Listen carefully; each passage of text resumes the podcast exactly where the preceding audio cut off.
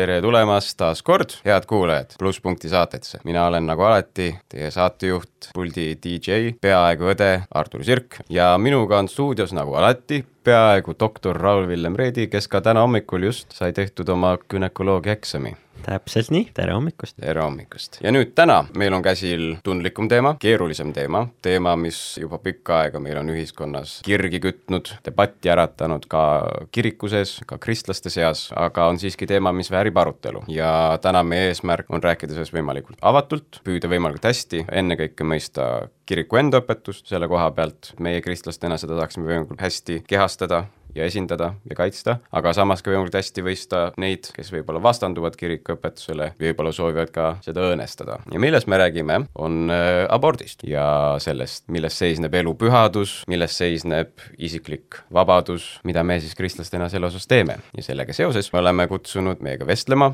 Johanna Rosenvaldi, tere Johanna! tere minu poolt ka, jah! nüüd Johanna, sinu me kutsusime sellepärast, et sa oled varem sellel teemal ka varem natuke uurimistööd teinud, 3D koguduses sa oled pidanud ka kõne sellel teemal, rääkides elupühadusest üldiselt, tuues sinna sisse ka lisaks abordile teemasid seoses eutanaasia ja muude asjadega, mis on aktuaalsed tänapäeval aga täna me keskendume konkreetsemalt abordile. enne kui me alustame, räägi endast natuke üldisemalt, tutvusta ennast, millega sa tegeled ja milline on sinu taust? tere, nagu juba tutvustati, siis mina olen Johanna, ma olen kahe väikese lapse ema ja praegu tükk aega nendega kodus olnud, aga nüüd, nüüd väga värskelt jälle tööl tagasi, töötan sihtasutuses Sõbrad sõbrale, ma kuulun 3D kogudusse, see, seal teenin aktiivselt kaasa, ma seal peamiselt panustan õpetustiimi juhtimisse, aga oleme abikaasa Valduriga kogukonnajuhid ka ja aitan emade gruppi juhtida koguduses ka aktiivselt kaasas. väga tore, enne kui me abordist räägime täpsemalt ja sellest, kas see on okei okay või mitte okei okay,, ma korraldan kõrvalpõike, millest me ei räägi, on äh, rasestumisvastased vahendid, kontratseptiivid, puhtalt sellel põhjusel ma tahan lihtsalt ühe müüdi kohe ära kummutada, et ütlevad inimesed, et rasestumisvastased vahendid on sama, mis abort, aga ei, ei ole.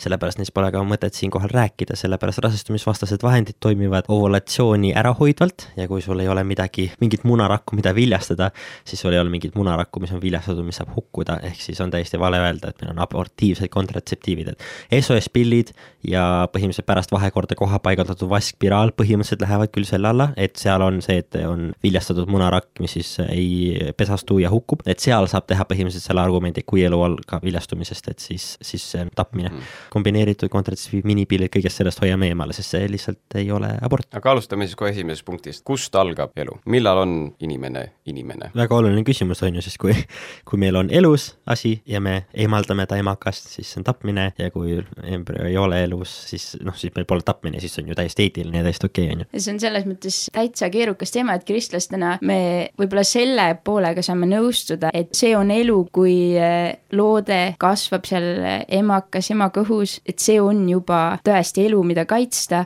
aga et kus see nagu täpselt, täpselt see alguspunkt on, et kas see ongi ongi munaraku ja seemneraku ühinemisel või see on siis, kui, kui see, see pesastumine toimub seal emakas või, või kus start nii-öelda on, eh, kus me saame öelda, et sellel kasvaval elul on nagu see vaim või hing või. ma võin öelda, mis seisukohad on olemas, et kõigepealt on see, et tuleme kaugemalt ettepoole siis, et elus on loode siis, kui ta saaks hakkama üsaväliselt, no siis on hea küsimus, on ju, et kas, kas vastsündinu saab hakkama, kes on täiesti adekvaatne. ta ei saa ka ju üksinda hakkama tegelikult. Ja kui me räägime, et kui meditsiin suudab teda elus hoida, no enne üheksakümnendat oli see kakskümmend kaheksa nädalat piir. nüüd meil on kakskümmend kaks nädalat piir, kas elu siis hakkas järsku varem tekkima või me lihtsalt meditsiinis muutusime paremaks. ühesõnaga selline muutuv asi nagu iseseisev hakkamasaamine üsaväliselt ei ole võimalik, et on elu kriteerium, see on lihtsalt puhtalt meie mm. tehis. siis üks asi, mida veel öeldakse, on see, et siis, kui inimene on teadvusel, et kui loode põhimõtteliselt muutub teadlikuks ennast ümbritsevast, tekib jälle see küsimus, et kas inimene, kes on koomas ja kes ei ärka üles, kas ta on siis surnud, kas ta või kas see pole enam inimene, kas me ütleme, ta ju kunagi oli inimene vastuargumendina, aga kui inimest defineerib see, et tal on mõistus tekkinud ja tal enam seda ei ole, siis me võime öelda põhimõtteliselt ikkagi, et inimene suri ära, on ju. ja mõistus tekib, on siis kas siis, kui ta hakkab helisid tajuma, kuulma ja nägema või, või nagu teadlikult ratsionaalselt mõtlema või? nojah, sest et tegelikult see fakt, et ta üldse saab aru, et, et minu käed on minu käed, see tuleb palju hiljem ju üsaväliselt. vist mõeldakse lihtsalt, lihtsalt, et nagu ta on teadlik ennast ümbritsevast, et ta nagu kuuleb ja. heli ja registreerib, võib-olla äkki see või, aga see pole eriti järjepidev argument, et see ka ei, nagu ei kõlba kuhugi. siis mm., siis on veel öeldud, et jätkab südamelöögist, esimene mm., ja siis tekib jälle see küsimus, et kui inimese süda ei löö, ta on kehavälisel vereringel, kas ta siis ei ole elus? kehaväline vereringe siis on masin masin pumpab, jah. pidevalt pumpab südant, okei ja, ja, ja. ja siis on, ja siis noh, kõige populaarsemad ongi see kas pesastumises, et sul on ema, seemnerakk ja munarakk on ühinenud ja, ja siis pesastuvad emakas või siis täi-, juba täitsa viljastumise hetkel. siin äh, minu arust on hästi tugevalt see ülene selline teema ka, et miks me üldse usume, et inimelu on väärtuslik, üks asi on, et kust maalt see algab, aga kui meil ei ole seda inimene kui jumala looming argumenti, siis tegelikult me saamegi nagu täitsa võssa minna või nagu väga kaugele minna, siis ongi, et, et mingi sügava puudega inimene, ta ei ole nagu mm. ühiskonnale väärtuslik tegelikult, võib-olla ta ei tooda mingit nii-öelda kasu, mm. aga kas, miks ta üldse peakski elama või jah, siis on sealt seesama, et kuskilt maalt, kui inimene ei saa ise hakkama, on ju, me saame nagu tõmmata neid nagu piire nii kaugele, kui meil ei ole seda pidepunkti, milleks on nagu piibel või, või see, et tõesti me usume, et iga inimese elu, juba see loode on päriselt Jumala poolt planeeritud, mõeldud, unistatud, Jumalal on iga inimese jaoks mingi oluline koht ja roll ja plaan, mm. isegi kui ta on mingi erivajadusega või isegi kui ta sureb väga vara ja, ja kuidagi, kui me seda Jumala sõna argumenti ei ole, siis me ikka võime väga palju voolata mm. kuskile ja, ja läbi aja tegelikult ju ongi seda näha olnud ka mingites hetkedes ajaloos, olgu see siis mingi orjus või kus mingi inimgrupp ja mingid elud saavadki nii väheväärtuslikuks, põhimõtteliselt noh, vahet pole, kas nad elavad või surevad ja noh, see tuleb samamoodi sinna elu alguse teemasse kaasa. ja seal on selline, ütleme, pingerida selle poolest, et mis teeb inimelu väärtuslikuks, et on olnud ühiskondi, mis on võib-olla põhinenud ennast sellele, et nad tahavad hoida üleval mingisuguseid hästi kõrgeid, ütleme, standardeid inimelule. võib-olla luuaksegi kujutlus sellisest ideaalsest inimesest, sellisest superinimesest, mõeldaksegi, et okei okay,, et inimene peab olema, on ju, võimeline ennast ise ülal pidama, ta peab olema tugev, ta peab olema intelligentne, ta peab olema, ma ei tea, stoiline, emotsionaalselt stabiilne, nii edasi, nii edasi, nii edasi, ja need kõik tulevad siis enne seda nii-öelda elu enda sellist väärtust kui sellist, elu kui midagi või inimsuus kui midagi, mis on iseenesest väär säilitamist. kui miski muu sättida kõrgemale sellest, tähendab seda, et kui mingi nendest omadustest on puudu, ütleme, et sa ei ole piisavalt võimeline iseennast ülal pidada, sa ei ole piisavalt intelligentne, et täita mingisuguseid ülesandeid ühiskonnas, olgu siis matemaatiliselt või puhtalt käeliselt, nii edasi, siis ongi see, et need inimesed no kas heidetaksegi täiesti kõrvale ühiskonnast kuhugi, ma ei tea, lihtsalt olge tänavatel, elage seal, vahet pole, mis te teete, või hakataksegi kõrvaldama juba eo eos nii-öelda. see on, kus ilmselt siis kristlik õpetus on ju, paistabki esile, nagu sa tõid välja, see elu pühadus iseeneses. et seda hoida, nähes just seda, et iga inimeses on potentsiaal ja võimekus anda midagi juurde maailmale ja austada Jumalat kuidagi selle läbi, mis ta on või kes ta on, isegi kõigi selliste nii-öelda puudustega. aga kui me vaatame meie Eesti kontekstis, siis tegelikult kõik on nõus sellega, et elu on püha, sest ega poole aastast, kui ta tekitab vanematele suuri raskusi ja finantsilisi keerukusi ja kõiki selliseid asju, siis keegi ei tule selle pealegi, et me tapame poole aastas ära, halvimal juhul anname ära või midagi sellist, on ju. Mhm. aga samal ajal, kui meil on paarinädalane embrüo, siis tema hukkamine on okei okay., seda on isegi keelatud, seda ei tohi tapmiseks nimetada, on ju, see on abort mm, -hmm. nagu õpetatakse. aga ses mõttes, et ega ükski naine, kes läheb aborti tegema, ei mõtle, et ma nüüd tapan ära oma lapse ja mitte ükski gümnakoloog ei mõtle, et ma nüüd tapan kedagi.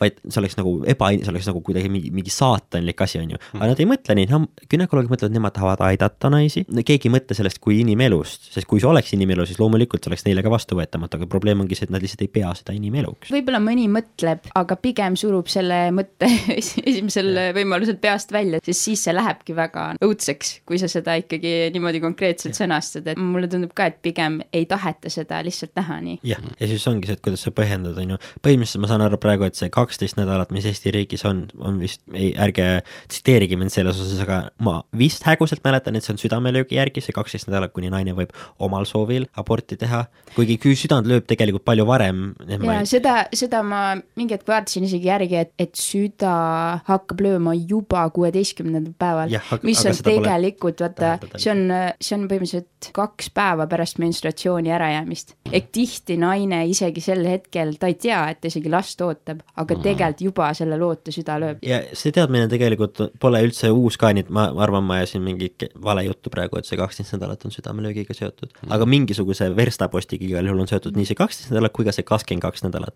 kakskümmend kaks nädalat minu arust on seotud sellega, et siis rakud on põhimõtteliselt lõviosas valmis ja nüüd nad hakkavad lihtsalt suurenema ja kasvama, aga noh, põhimõtteliselt on kõik õigetesse kohtadesse ära läinud ja nad on lihtsalt tillukesed. aga ikkagi me näeme, et, et isegi, me näeme, et see vajadus defineerida enam-vähem kuskil, kus elu algab, on selles mõttes oluline, kui me räägime mittekristlastele, sest noh, neile see, et Jumal ütleb, et elu on püha, see apellatsioon neile liiga palju ei toimi. Neil läheb vaja mingit muud põhjendust, et miks lood on elus. kui me tahame nagu veenda inimesi, et palun ärge, ärge laske surra süütutel lastel. iseenesest selle pesastumisega, Johanna, enne kui me rääkisime, sa tõid välja hea mõtte, et, et kui elu algab juba munaraku ja seemneraku ühinemisel, siis on nii palju lapsi, kes nagu Jumal on justkui plaaninud, aga kes kelle plaanis aga kunagi ei lähe kunagi täide, kes nagu ei implanteeru lihtsalt, et neid on nagu hästi palju, tundub nagu sellest perspektiivist, ma ei tea, kuivõrd eetiliselt järjepidev loogiline argument see on, aga see tundub tõesti päris jube, kui elu ei alga implantatsioonist, vaid varem, on ju. jah, siin me vaata täpselt seda Jumala või sellist taevast perspektiivi muidugi ei tea ka, et, et me usume, et Jumalal on iga inimese jaoks oma plaan, aga kas see teostub siin praegusel ajastul või tulevasel, on ju, et et see on ainult Jumalale teada, aga tõepoolest nagu see paneb ikka väga mõtlema, et kas see, kas see saab olla nii, et kui palju on neid ju, mis absoluutselt ei pesastu ja see on ikka tohutult nii-öelda sündimata lapsi. jah, aga igal juhul elu algab kuskil vara, ma saan aru, on praegu ruumi konsensus. aga nüüd, aga, aga, aga nüüd, kui seda argumenti torkida, siis kui kuuse pealt kukub käbi, see on üks argument, mida meil esieetik toob tihti meedias välja, et kui kuuse pealt kukub käbi, siis kas see käbi on kuus. põhimõtteliselt tema ütleb, et see loogika on sama. tuleb munarakk ja viljastub, sest põhimõtteliselt käbi on ka viljastunud ja kukub mulda, et kas ta nüüd on automaatselt siis kuusk selle pärast, kas siis embrüo on automaatselt inimene selle pärast. jah, sellise argumendi näitel tahaks tõesti nagu öelda, et äkki siis, kui see viljastunud munarakk pesastub, siis ta ongi juba see soodsas kasvupinnases nii-öelda siis väike kuuseke et võib-olla me saame mingi teise näite tuua, mis, mis kõnetab meid hoopis teises suunas. kas kuused, kuidas kuused paljunevad, kas neil on vaja nagu mingit eostumist või sellist? ja, ja on küll, aga see toimub kõik käbi sees nagu, et see jaa, see käbi sees toimuv protsess. just, ja siis aga see ongi see käbi sees on kogu, kõik juba olemas, on ju, et seal ei ole Põhi, et see on põhimõtteliselt nagu justkui viljastatud munarakk. jaa, juba nagu... esimesest põhimõtteliselt käbi hakkabki tekkima juba, ehk selles mõttes ei ole võrreldav, sest seal ei ole mingit punkti, kus saaks öelda, et käbisiseselt toimub mingi selgelt eristatav muutus. ei, ikka toimub, ikka toimub, sul on nagu viljastamata käbi ja sul on viljastunud käbi. ses mõttes okay. Ja siis see viljastunud käbi kukub mulda ja siis oleks justkui nagu implanteerumine, et sul on toimunud mm Mhm. -hmm. sugurakud ühinemine ja sul on toimunud siis soodsasse pinnasesse kinnitumine. siin on muidugi see suur erinevus ka, et Me ei ole tai, taimeriigi ja, ja Jah, inim-,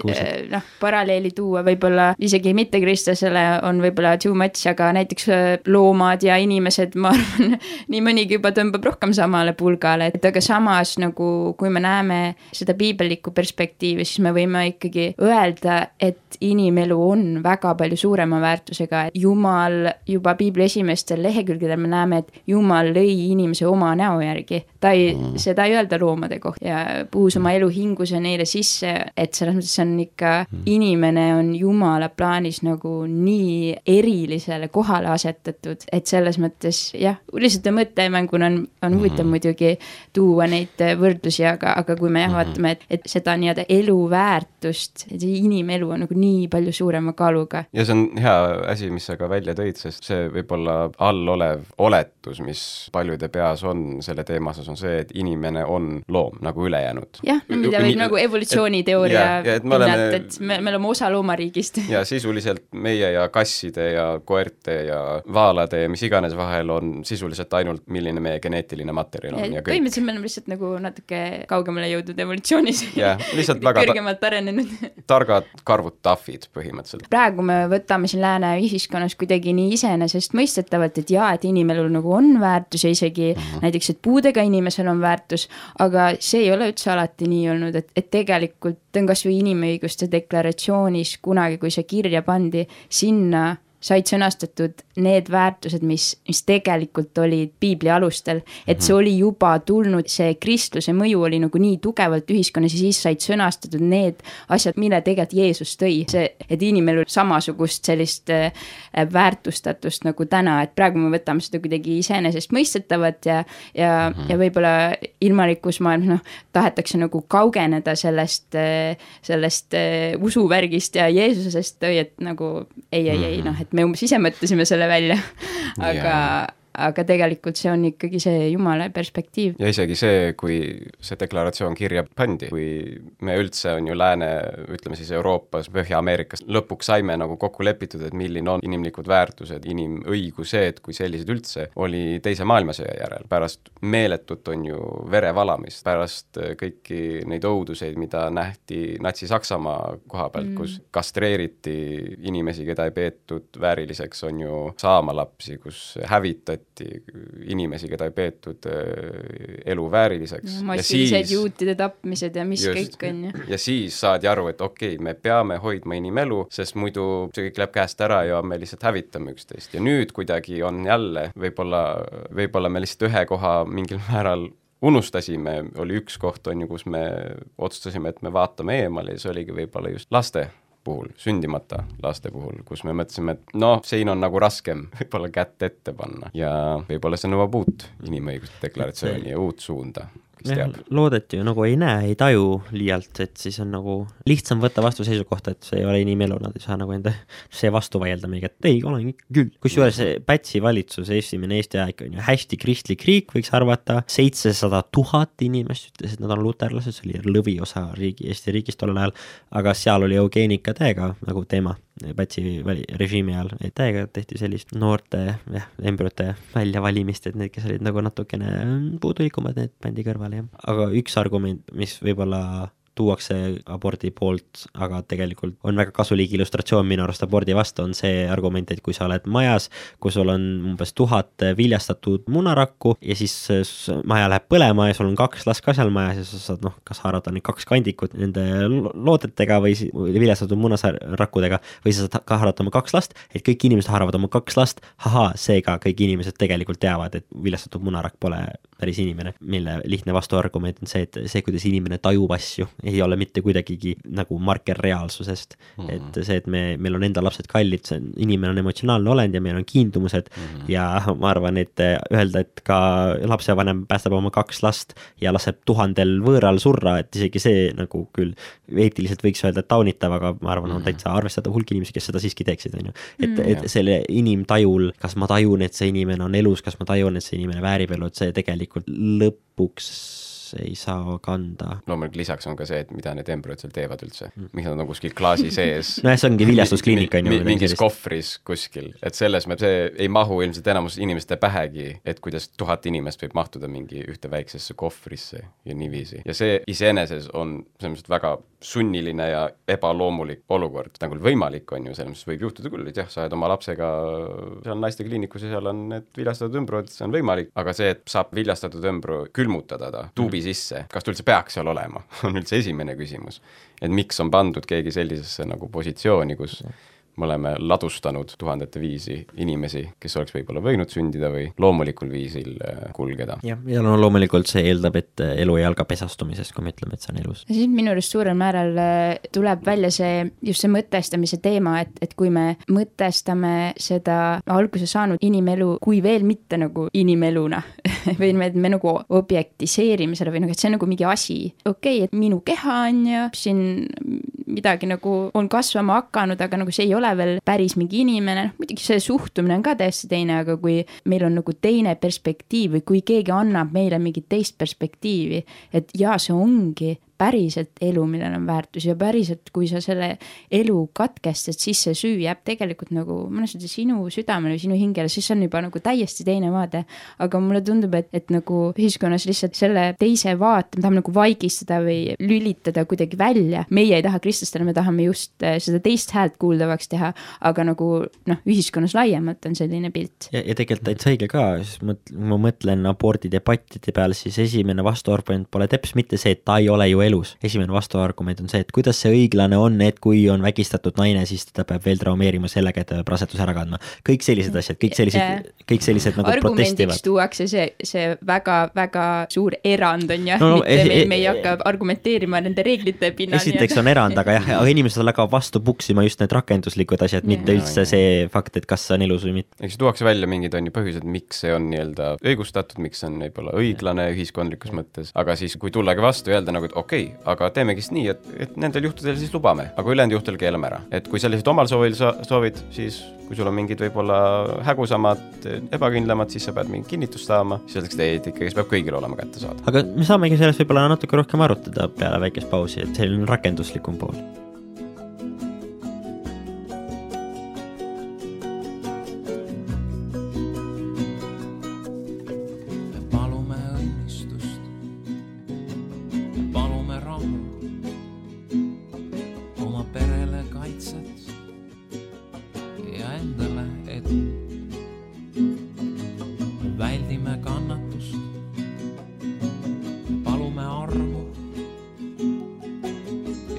dich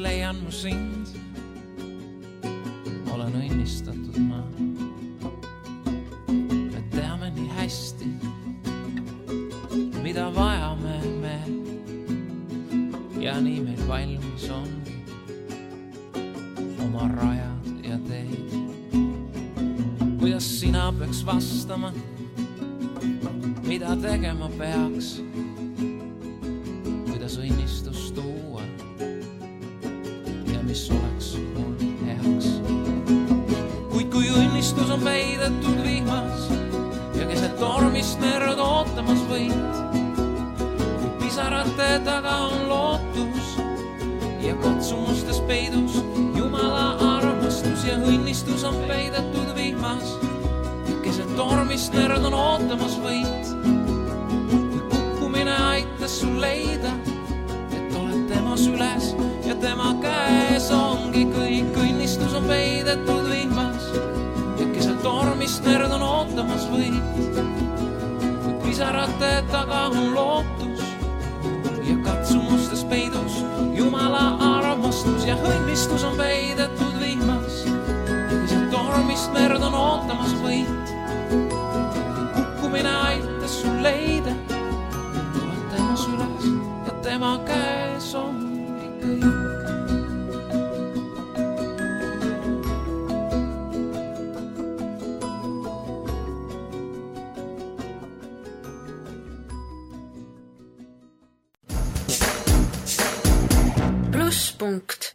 aga räägime siis sellest, mis inimesi häirib. on naine, ei taha hetkel last saada, liiga vara on, pole valmis selleks, mees jättis maha või traagiline olukord oli, miks see laps üldse tekkis või oli õnnetus või kondoomi valesti kasutamine või midagi sellist. ma ei taha praegu seda last saada, miks ma, miks ma ei tohi aborti teha, miks ma peaksin selle lapse ära saama? ma siit võib-olla kõigepealt läheks ühe sammukese nagu tagasi, et okei okay,, et kui inimene ei ole valmis last saama, et võib-olla meie osa kristlastena ka oleks rohkem tuua esile seda sõnumit, seks Jumala loodud väga erilise ja püha asjana peakski kuuluma ainult abiellu, mis on see turvaline ja hea kontekst, kuhu lapsed, isegi kui see vahepeal peaks juhtuma mitteplaneeritult, ikkagi saavad tulla ja, ja nad on hoolitsetud ja armastatud, kui see rõhuasetus peaks olema seal, mitte nagu nii-öelda nendel oi, aga nüüd on see käes, aga muidugi on ju nii palju, kus on ikkagi, elud on katkised ja on need hetked, kus ongi laps on tulekul ja mis siis nüüd, on ju. ja et tänapäeval ju seks ei ole ainult loomariigis nagu paljunemine, vaid see on selgelt ka eneseteostuse viis. inimesed, ka kristlikud paarid ei seksi ainult, et lapsi saada, vaid seksivad, sest see on täitsa tore ja intiimne ka. ja, ja ma usun, et see ongi ka Jumala poolt nagu loodud nii, ongi väga tore nagu Jumala planeeritud läheduse viis, aga just nagu, et, et mis on see kontekst, mille sisse Jumal selle planeeris. siin on ikkagi see koht, et, et me ei saa kristlastena võib-olla kuidagi lajatada sellega, et kui see inimene parasjagu on tõesti juba nagu seda elu enda sees kandmas, et ütled, aga, aga jumal ütleb, et, et abort on patt nagu, noh see inimene lihtsalt jookseb minema, et see, see ei aita teda kuidagi võib-olla edasi tema olukorras, tema hirmudes, selles, kus ta on võib-olla täiesti nagu lootusetuses, võib-olla isegi ei taha teha aborti, aga ta tunneb, et ta ei, ta ei oska või ei saa ka teistmoodi. pigem nagu see on võib-olla siis see koht, juhatada nagu abi juurde, toetada ise, et vähem inimesi teeks selle, selle valiku või otsuse, et katkestada see elu areng seal ema-isas, et no praegu tegelikult kasvõi sihtasutus väärtus, väärtustades elu ja nagu, kes tegelevad väga teadlikult selliste teemadega ja nõustamised ja nagu, et neid kohti, kuhu pöörduda on, võib-olla nendest alati ei teata. aga et torkida seda argumenti natuke, siis kui keegi tuleb ja tahab minu abikaasat ära tappa, siis ma lähen talle kallale ja ma kaitsen oma abikaasat, ma kutsun politsei ja politsei paneb ta käed raudu ja viib ta vanglasse ja ta saab süüdistuse, et ta üritas kedagi tappa ja väga pahasti on ja, ja mida kõike veel, aga kui abort tõesti on, kui see loode seal on elus ja ta päriselt läheb seda loodet tapma, kas meil ei peaks sama ekstreemne reaktsioon olema, et miks me seal oleme selline, no kaalu veel, vaata, mõtle see, veel. see on tõsi, et me peaks seda reaalsust ka nagu rohkem võib-olla pildile tooma, et tegelikult see on elu reaalselt, mida sa lähed nagu võtma ja tapma. ma võib-olla nagu paran- nii..., ma parandaks korra sõnastuse, see on elu, mis sureb, sest et otseselt öelda, et sa lähed elu tapma, ei saa, kui ta ei arva, et see on inimelu yeah,. et yeah. see inimene hukkub selle tõttu. tahtmist tappa. just. et no igatahes see abordi teema, mulle tundub, et see on nagu, kui me, me läheme nagu päris inimeste ja päris lugude juurde, siis see on nii ülitundlik teema. lihtne on nagu mustvalgelt öelda, et teha ei tohi ja nii, aga kui inimene on no, tõesti nagu selles puntras, me ikkagi ütleme, et see ei ole õige samm aga noh, et ongi, mis siis edasi, vaata, et see, meie peaksime seisma selle argumendi taga, et see ei ole õige asi, mida teha. Ja et me ei, me ei toeta nagu abortide tegemist, aga samas, et, et me kuidagi ei hakka nagu oma hukkamõistuga kuidagi üle valama siis neid inimesi, kes on sinna oma elus nagu jõudnud ja kes on juba teinud aborti või, või mõtlevad sellele, et teha et meie sõnastame selgesti, et see ei ole õige asi, mida teha, et see on jumala silmis väärtuslik elu, mida sa nagu mm. muidu katkestad, aga kuidagi jah, et kuidas siit nüüd edasi on, et kuidas, mis oleks veel need alternatiivid sest päeva lõpuks meie eesmärk peaks olema ju see, et süütud lapsed ei sure, mitte ilmtingimata see, et me võidame argumenti. ehk siis tegelikult kristlane, kui tal on valida kahe maailma vahel, üks maailm, kus on abort täiesti lubatud, aga aborte on väga vähe. Ja teine maailm, kus aborte on palju, aga abort on keelustatud, et kui, kui meil oleks kaks valikut, siis tegelikult kristlased ei peaks hoolima sellest, kas abort on keelustatud või mitte, kristlane peaks hoolima sellest, et süütud lapsed ei hukkuks. see, seega, kus millegist räägitakse, on ju ka loeb, sest mida on ju kõrgemal tasandil me räägime, seda, seda rohkem me räägime ideaalides. see, mis kirikuõpetus võib-olla on see nii-öelda kõige kõrgem idealistlikum kõnepruuk siis, kus me olemegi nagu jah, must, valge, jah, ei, nii edasi, on ju. ja mida madalam tuleme, siis võib-olla on nii see, mida, kuidas on ju vaimulik, on ju, jutlustab oma kogudusele, kuidas ta seda nagu teadmist edasi annab tavainimesele ja siis veel läheb edasi, kuidas inimene rakendab seda oma igapäevaelus, kuidas ta nagu aitab inimesi ja nii edasi ja nii edasi, on ju, et see mm. olenevalt olukorrast ja mingil määral ma ütlekski, et jätkuks sellele, et, et kuidas siis nagu aidata neid, suunata siis inimesi vähem aborte tegema, siis seal kohal võib-olla ongi see, et on ju armastus loodab parimat ja usub parimat inimestest. kuhu me võib-olla kaldume veidikene, on mõtlema, et need inimesed, kes tahavad neid teha, on kalgid, hoolimatud inimesed, kellel on ükskõik, mis neile lapsest saab. kuigi reaalsuses, kui me tõesti usume, et okei okay,, need on inimesed, neil on südametunnistus, siis mingil määral peaks isegi eeldama natukene, et neil ongi raske selle olukorra osas, nad ei tahakski võib-olla teha seda valikut ja töötame just selle pinnalt, mitte et me nii-öelda üritame nüüd tirida neid ära millegist ja kuidagi, ma ei tea, piitsutada neid kuulekusse, vaid mõistagi, et seal sees on midagi, mis tegelikult ei taha seda teed võtta, aga lihtsalt ei näe muud varianti. jah, sest abort ise ei ole ju see probleem, vaid see on lahendus, mis me oleme loonud probleemile, see, mis, mis keerukas on, see on see, et on soovimatu rasedus, see on see nagu probleem, mis teeb selle olukorra raskeks ja mida tahetakse vältida. ja see on mõlemal poolel ühine, on ju, vahet pole, kas sa oled aborti poolt või vastu, keegi ei taha, et oleks olemas soovimatuid rasedusi. siin muidugi võib-olla üldse, et selle sõnapaari korras, et see soovimatu rasedus on ju, et, et võib-olla me siin lääne ühiskonnas nagu nii palju oleme oma elud ja mõtteviisi sellise iseenda heaolule üles ehitanud, et kuidagi, et, et mina praegu seda last ei soovi, noh et siis võtangi kasutusele kõik meetodid, mis võimalik on ja noh, et mhm. abort väga nii-öelda justkui siis hea valikuna, aga tegelikult, tegelikult tihtipeale seal ei ole ainult need ekstreemsed juhud, tõesti mingi väga-väga majanduslikult raske olukord ja et üksinda võib-olla peaks seda last kasvatama ja, ja kõik nagu sellised asjad, mis olukordi on ka väga palju, aga ma ise arvan või nagu tundub, et väga suur hulk on aborte, mis tehakse lihtsalt see, et ma praegu nagu ei taha või noh, et ma ei taha oma karjääri praegu pooleli jätta või lapse kasvatamine on paras, paras vaev nagu isegi kui noh, mul on kaks väikest last praegu ja isegi kui mul on armastav mees kõrval ja majanduslikult on okei okay ja, ja siis see on ikka väga palju iseenda äraandmine, oma mugavusest loobumine nagu laste kasvatamine on raske.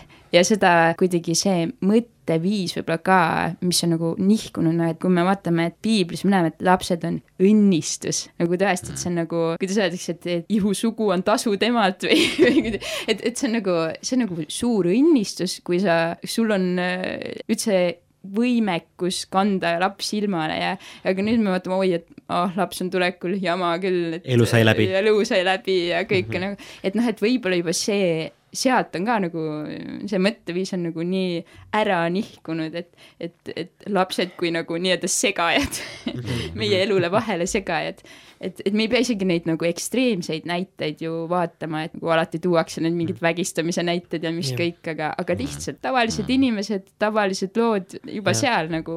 see, kuidas me loomulikult siia jõudsime, meil on praegu saja elussünni kohta, ma ei, täpselt arvu ei mäleta, kaks tuhat viisteist oli üheksa aborti saja elussünni kohta, nüüd see on veel väiksem, äkki see oli mingi kaks-kolm, ühesõnaga väga väike number võrreldes üheksakümnendate Eestiga, kus oli sada viiskümmend aborti saja elussünni kohta ja selle arvu arvu me oleme saanud väga edukalt maha mitte läbi keelustamise, vaid läbi hariduse ja kontratseptsiooni arendamise. nõustamise. nõustamise ja üleüldiselt selline parema tervishoiuteenuse, et see on nagu huvitav mõte seal kohas, kus on nagu aborte hästi palju, et kas siis kui, kui kuskil tehakse väga, et no mõtle, mõtle neid, kui kohe alguses sada viiskümmend aborti sai elussünni kohta, et oleks siis tulnud need mm. marukonservatiivid ja pannud laiatanud oma ideaalse maailma poliitikatega, et kas me oleksime nii madalal nende abortidega. see on lihtsalt huvitav mõte, ma otseselt yeah. argumente mm. ei tee, aga ma lihtsalt avan natuke seda Eesti ajaloo mm. reaalsust, et, et Ameerikas keskmine kakskümmend üheksa aborti sai elussünni kohta, vähemalt kaks tuhat viisteist oli minu arust mm -hmm. midagi siin ooperis, suurusjärk on õige, või oli üheksateist, ühesõnaga rohkem, ühesõnaga, ja nemad ju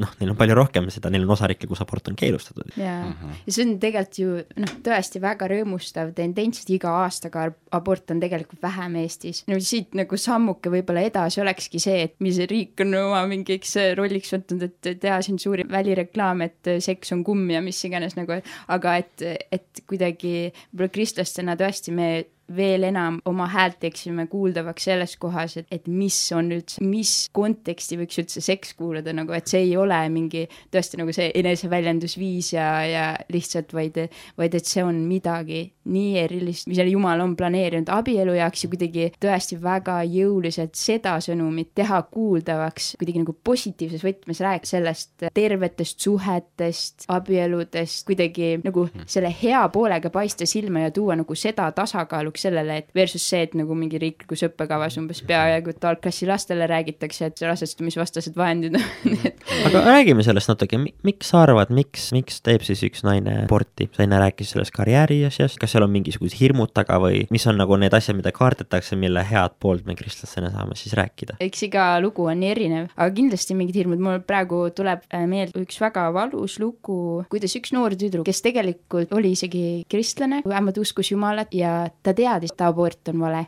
Aga samamoodi liikus vales seltskonnas, oli selline juhus, et et teda uimastati, kasutati seksuaalselt ära, ta jäi rasedaks, ta oli sellest väga paanikas, ta teadis, et see on vale, moraalselt, piibellikult on ju vale, aborti ei julgenud sellisel kujul teha, aga siis ta lihtsalt kasutas nii palju mingeid aineid ja alkoholi ja et, et see loode siis ise aborteerus. aga nagu seal, lihtsalt ma toon selle loo ilmestamiseks seda, et millises olukorras võib olla üks noor, kes ongi lihtsalt nagu oma hirmude alla nii maetud, et ta võib isegi teada, et see on vale, lihtsalt see on selline lootusetus ja kuidagi, et mis kõik teised ütlevad ja mõtlevad ja nad veel teavad, et ma olen kristlane ja noh, et me ei pea isegi nagu otsima seda sealt mittekristlaste hulgast, aga, aga kuidagi, et, et noh, ja nii noor ja noh, et kõik need asjad nagu kok-, üks osa lugudest on kindlasti see, et ongi nagu nii suur hirm, et see kõik muu lihtsalt nagu, kuigi see sport võib teada, et see ei ole hea valik ja õige valik, et põhimõtteliselt sul on valida nagu halva ja väga-väga halva vahel või kuidagi.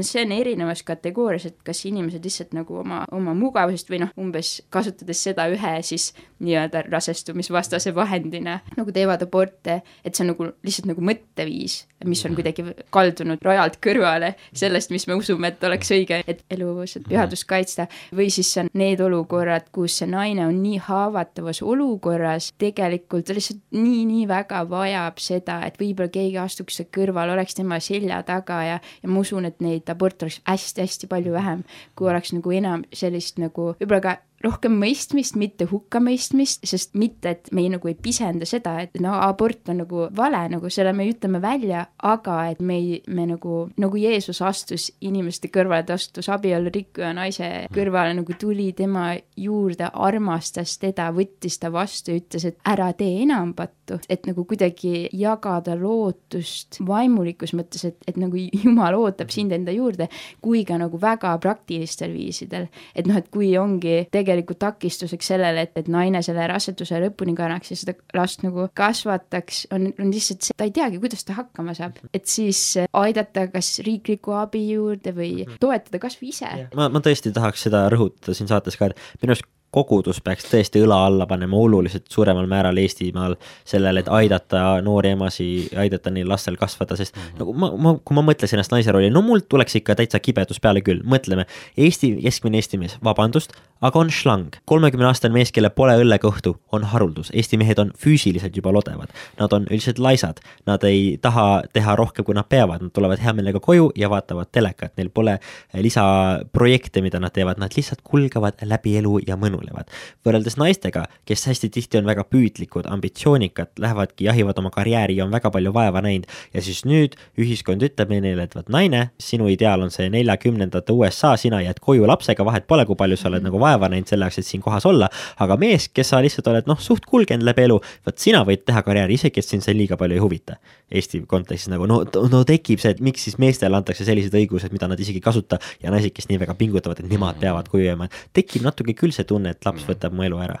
ja aga nüüd see on see koht, kus kogudus saab tulla kõrvale, et ei ole see, et lapse saamine tähendab su karjääri lõppu mm.. ei ole see, et sa pead kõik ise hakkama saama, mees vaatab kodus telekat ja sina ainult vihud kodu koristada ja mähkmeid vahet. et mm. kogudus peaks aitama kaasa, et mitte ainult sellega, et naisi toetada, kogudus peaks mehed ka ree peale võtma, tõsiselt mm. sõnad peale lugema, et mehine mehisus on suht kadunud ja see on kuigi, ausalt suht tülgastav. kuigi on selles mõttes mõned naised, kelle, keda ma olen näinud oma mõtteid avaldamas, toonud välja selle, et on ju, kui naine jääb rasedaks, siis nii mehel kui ka naisel võiks olla võrdne kohustus kanda hoolt selle lapse lapse eest. vahet pole see, sellest, et naine on, on ju see, kes seda last kannab ja sünnitab lõpuks, on ju. siis ma ütleks jah, et see võiks olla isegi nagu seaduslik kohustus, et võiks olla mingi leping nagu selle mehe ja naise vahel, mis kohustab seda meest selle lapse eest nagu hoolt kandma ja nii edasi, nii edasi, nii edasi. kratsi kukal mõtlen, no kuule, see on abielu ju. naised tahavad põhimõtteliselt sa-, saja aastaga me oleme teinud pika tiiru ja me vaikselt oleme jõudnud sellesse punkti, kus me vaikselt saame aru, et abielu vist on ikka millegiks nagu vajalik. ma täpsustan, see on hea abielu, sest küll meil abielusid on, aga,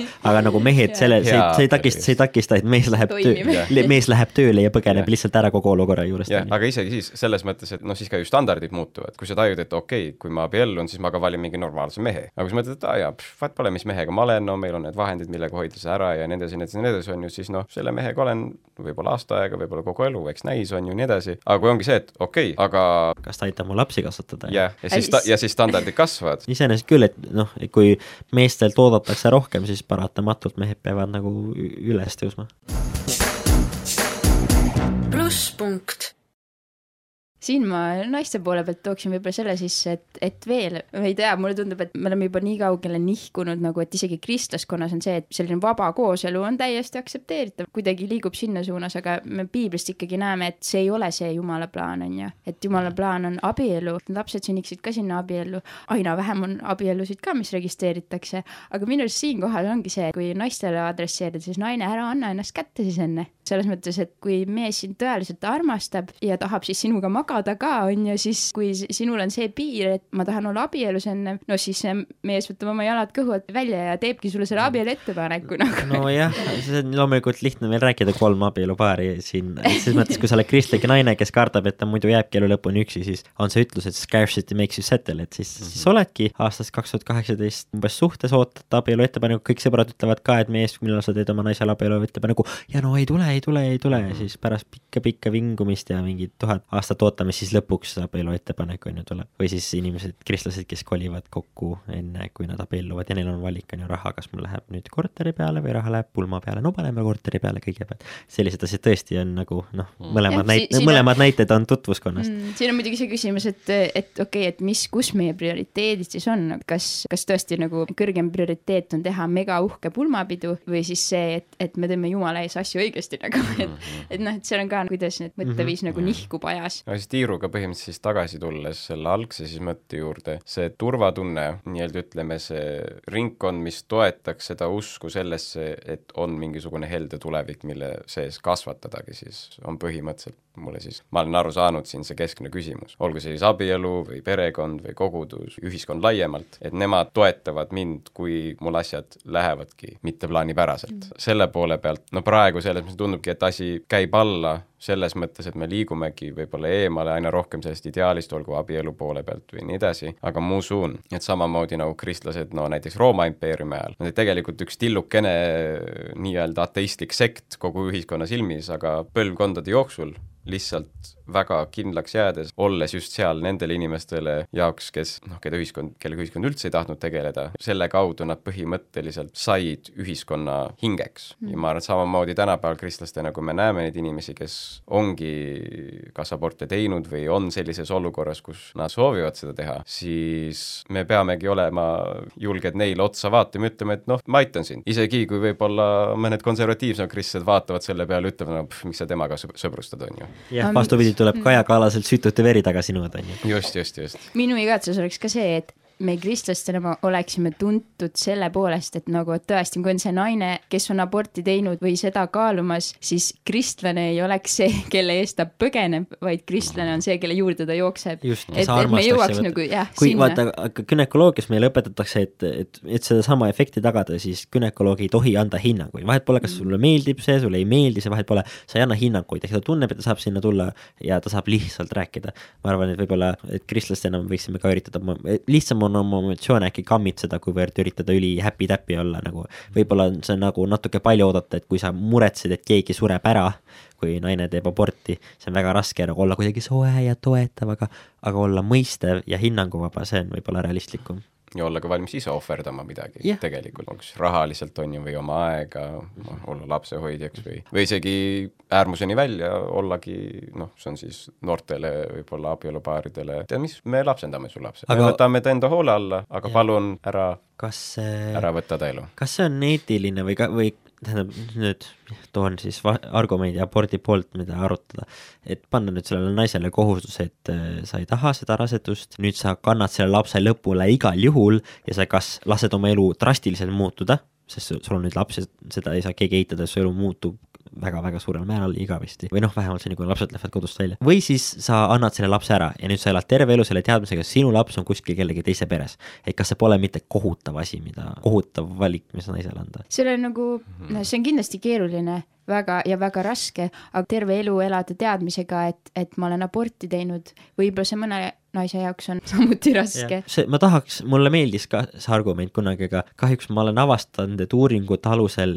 see, ma ei tea, kas see ütleb meie ühiskonna kohta või mida, aga no tõsiasi on see, et ei ole mingeid psüühilisi probleeme pärast aborti mm.. et see, see asi, et inimesed nüüd väga kahetsevad, kui nad on aborti teinud ja nad vaevlevad süümepiinades, et see on tõestatud pigem nagu müüdiks. ma usun, et seal on nagu noh nagu sotsioloogias natuke ikka on see, et kes seda uuringut läbi viib. jah, okei okay,, see on tõsi. natuke, natuke nagu tuleb see, kuidas on need ja. küsimuste püstitused. pluss uuriti loomulikult ka naisi, kes ise tulid aborti paluma, on ju, mitte ei uuritud kuidagi nagu tegelikult peaks see üldist populatsiooni kõik, kes ja, ja see võib olla ka see, et selles saanud. hetkes, kui naine läheb aborti tegema, ta on väga kindel, aga võib-olla see tuleb, kerkib üles eh, tema seis kolmekümne aasta pärast väga valusa teemana, noh et, et see see oli viie kunagi... aasta, viie aasta uuring ja ainult need naised, kes olid ise aborti tulnud paluma, nii et tegelikult selles mõttes piirangud on päris mhm. märkimisväärsed, jah. tulles tagasi selle juurde, et siis kas peaks kuidagi soodustama seda, et naine kannab selle raseduse lõpuni, et muidugi selles mõttes see on ju ülikeeruline, et kui naine seda last kannab, mingi hetk on ju, ta hakkab juba tundma selle lapse liigutusi oma kõhus ja kui ta juba sünnib, on ju see tal on eeldab... raske tööd teha samal ajal, tal on raske ja. õppida samal ajal. jah, et, et see ikkagi mingi side, mis võiks eeldatavasti tekkida selle naise ja lapse vahel, keda ta kannab, me ei saa seda alahinnata, aga noh, ma usun, et kui julgustada, ma ei oska nüüd statistikat tuua selle kohta, aga et kui julgustada naisi kandma rasedus lõpuni võimalusega anda see laps ära, nagu. Eestis on ülipikad järjekorrad sellele, kes paarid, kes ootavad, et nad saaks lapsendada, eriti meil... väikseid lapsi. aga kusjuures lapse äraandmine on ka päris keeruline mõlemat pidi, on ju, hästi imelik süsteem meil. no seda ka jah sinna laskumata, aga noh, et ma mõtlen, tulles tagasi selle juurde, et, et kui see naine juba kannab selle raseduse lõpuni, see tõenäosus, et ta muudab meelt mingis punktis ja kasvatab selle lapse ikkagi ise üles, kui tal on see vabadus antud, et ta võib selle ka ära anda, siis ma arvan, et see on tegelikult päris suur. aga see on, on ju tingimusel, et siis noh, ta ongi valmis mingil määral oma ambitsioone ära andma ja, ja, ja, ta muudab ja. oma tõeks, noh, et temale pole enam väärtuslik ilmtingimata see eneseteostus ja ambitsioonide täite saamine, vaid, vaid pereasjad ja sellised kristlikumad väärtused muutuvad talle nagu olulisemaks, mis on üsna palju paluda mõnelt kuigi ma natuke toon seda ka välja, et see olukord on väga-väga nõme, aga kui meil on väga depressioonis naine, kes on väga hädas oma lapsega või siis see laps, ma ei tea, meenutab talle mingit traumat või midagi sellist, et siis me seda last ei hukka selle pärast, ehk siis täielikult võttes omaks, et see on jube-jube olukord, kui naine on rase ja ta ei soovi olla rase. päeva lõpuks me peaksime otsima ikkagi muid lahendusi, ennetavaid lahendusi ja, aga selles olukorras noh, polegi muud lahendust, kui see, lahendust, kui see lõpuni kanda, jah, see on nagu nõme, aga öelda ju, et sellepärast, et see on nõme, sellepärast me laseme elus inimesel surra, see läheb üle piiri yeah.. ühtegi teist asja me ei lahenda niimoodi. aga jällegi, see on see koht, kus me peame siis kindlalt väitma, et see aborteeritav loode on elus. ei no samas, kui me vaatame USA-s ju, nagu et Eestis on see piir isegi nagu maailma mõistes päris äh, Madal. madalale toodud jah, et kuni üheteistkümnenda rasendusnädala lõpuni. aga USA-s mingites osariikides saab ikka noh, ma, ma ei julge nüüd kindlalt väita, aga see on ikkagi väga nagu ja. erinev, et see Nii. laps on no reaalselt sa ei saagi, sa pead selle lapse põhimõtteliselt juba välja sünnitama, et see noh, et, et. New Yorgis on kaheksa kuuni. väga õudne. osades kohtades isegi üheksandani minu meelest mm no vot. ja siis, siis on ju teises või, või võib-olla selles samas riigis, võib-olla samas haiglas on ju üks selline laps nagu hukatakse ja teises aidatakse elule, on ju, sest tänapäeval meditsiin on nii, nii nagu arenenud, et isegi kui, kui noh, laps sünniks hästi palju varem, siis väga paljud ikkagi jäävad ellu ja elavad täisväärtuslikku elu, et. jah, aga mul on nüüd terve poisu või noh, me oleme siin kogunud ikkagi abordi vastu argumente, mida me polnud jõudnud, pole jõudnud adresseerida, et, et enne kui meil aeg täitsa otsa saab, me oleme nüüd terve poisu abordi vastaseid argumente tegelikult kogunud saateks valmistades, et enne kui meil saade täitsa läbi saab, ma viskan mõned õhku kiiresti, lihtsalt, lihtsad mõtted nende abort osas. on inimõigus, see põhineb kehalisel autonoomial, et minu keha mina võin teha, mis ma sellega tahan, täpselt sama argument, mis kristlased ja konservatiivid kasutavad, et mina ei taha vaktsineerida minu keha, mina ei võta Covid vaktsiini. abordi pooldaja ütleb minu keha, mina võin loote hukata, mis me ütleme sellele? siin ongi see, et kas, kas me ikkagi muudame selle elu, kasvava elu seal nagu objektiks, et see on lihtsalt mingi asi minu kehas või see on päriselt teine inimelu, on ju, et üks ahk on see ja, ja lõpuks ma ütleks, et kui ma mõtlen nagu kristlasena, siis minu keha ei kuulu ka mulle, see kuulub Jumalale. tema on mulle kinkinud selle elu ja piiblis on ka see, et meie ihu on nagu püha vaimu tempel, on ju, et, et lõpuks isegi minu keha ei kuulu mulle, on ju, et mis see mõtteviis meil seal taga üldse on. ja muidugi, et kui mõtledki, et mina ja mina ise ja kõik on nagu keerleb ümber minu ainult, on ju, et see Jumalat üldse nagu võrrandis ei ole, et siis, siis muidugi. see argument ütleb kristlasele ja mittekristlasele ma võib-olla paneks seda argumenti, ütleks, et see, et see laps laps kasvab emakas, ei tähenda, et see laps on su keha osa mm. -hmm. seega see ei tähenda, et sa saad teda meelevaldselt hukata. ta ei ole su keha osa, sest kui ta oleks su keha osa, siis tal ei oleks oma eraldiseisvat elu. abordi keelamine ei vähenda abortide arvu, vaid see te lihtsalt teeb nad ohtlikumaks, nii et me ei peaks aborti keelama. mina olen sellega tegelikult täitsa nõus, et, et me ei saa kuidagi nii-öelda poliitiliste vahenditega panna inimesi nagu, nagu muuta nende südant. me peaks teistpidi lähenema, et, et see on nagu samamoodi, et inimene selleks, et ta sisemiselt muutuks, ta peab kogema Jumala armastust, seda, et, nagu tõesti ta on armastatud ja nagu vastu võetud ja siis, siis ta tahab võib-olla astuda neid samme, et elada teisiti, teha teisiti, nagu alistuda sellele Jumalale, kes teda nii väga, nii lõputult armastab, et hakata kuidagi vastupidi neid asju, et kuidagi väljaspoolt sissepoole et ma arvan, et need asjad peaks käima rohkem seestpoolt väljapoole, et muidugi me saame nagu mingeid asju reguleerida, aga, aga kuna juba siin läbi aja nagu uurimustega see on tõestatud, et see toob tegelikult päris halbu ja ohtlikke tulemusi, kui me proovime lihtsalt seadusega midagi ära keelata seal abortide vallas mm, -hmm. noh, need põrandaalused abordid, mis ikkagi nagu lõpevad tihti väga halvasti ja.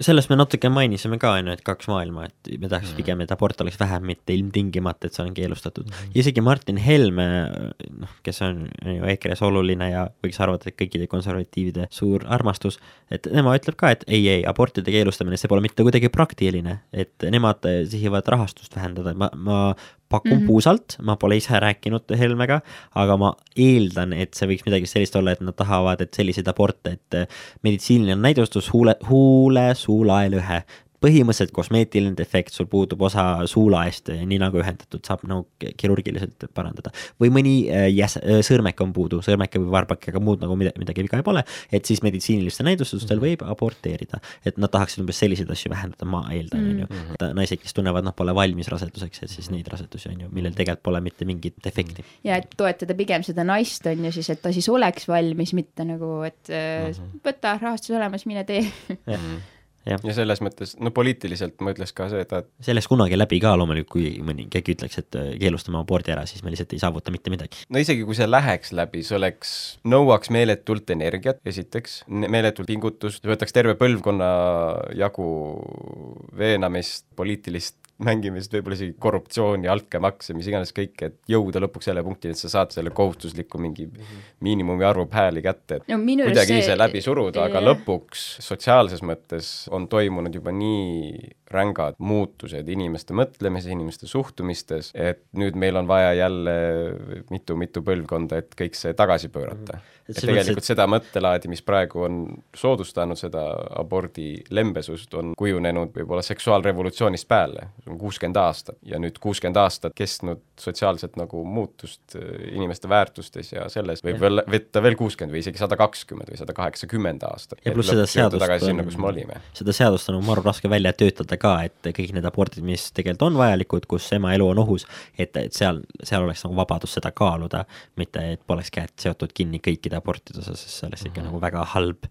halb variant, kui nagu sul on võimalik, et sul jääb emme ellu, aga siis mõlemad surevad ära, lihtsalt see seadus ütleb, et ei, ei, aborti ei ole mm. -hmm. see poleks nagu lihtne seadus, mida luua ka. isegi ju äh, paavst Pius kaksteist Artur otsis välja, et oli öelnud, et otsene looteelu lõpetamine on kategooriliselt keelatud, loeme siit, siiski, kui mingisugune protseduur on vältimatult vajalik ema päästmiseks, aga vältimatult põhjustab loote surma, on see lubatud.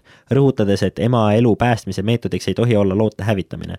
loote hävimine saab olla lubatud lubatud, vaid paratamatu või vältimatu ema elu päästmise tagajärjena, näiteks keemiaravi kaugel arenenud vähi puhul. jah, siin on jällegi see, et päris elu on nii palju keerulisem tihtipeale. mul oli eelmisest aastast tuleb meelde üks perekond, kus emal oli tegelikult rasedus oli vastunäidistatud, tal juba seitse last oli, aga ta jäi uuesti last ootama ja otsustas selle kanda lõpuni ja siis, kui see laps ära sündis ja oli ühekuune, siis ema suri, maha jäi siis kaheksa väga väikest last tegelikult riburada pidi kõik, et noh, et tegelikult see on ikka päris keerulised olukorrad, et, et kui ma ütleks, et ei, sa ei tohi teha, no et, et see, ma usun, et jumal kannab hoolt muidugi nende olukordade eest ka, kus, kus on väga noh, mingid ekstreemsed juhud, aga, aga ikkagi noh, et seadusega midagi ära keelustada, noh, see oleks Jep. nagu tegelikult absurd. kokkuvõtteks, riik ei armasta kedagi, riik näeb sind, okei okay,, kas sa oled ühiskonnale kasulik ja kui see on kasulik, siis me anname sulle toetuseid, raha. riik, bürokraatia, mis iganes seadused ei anna kunagi inimesele mingit tahet juurde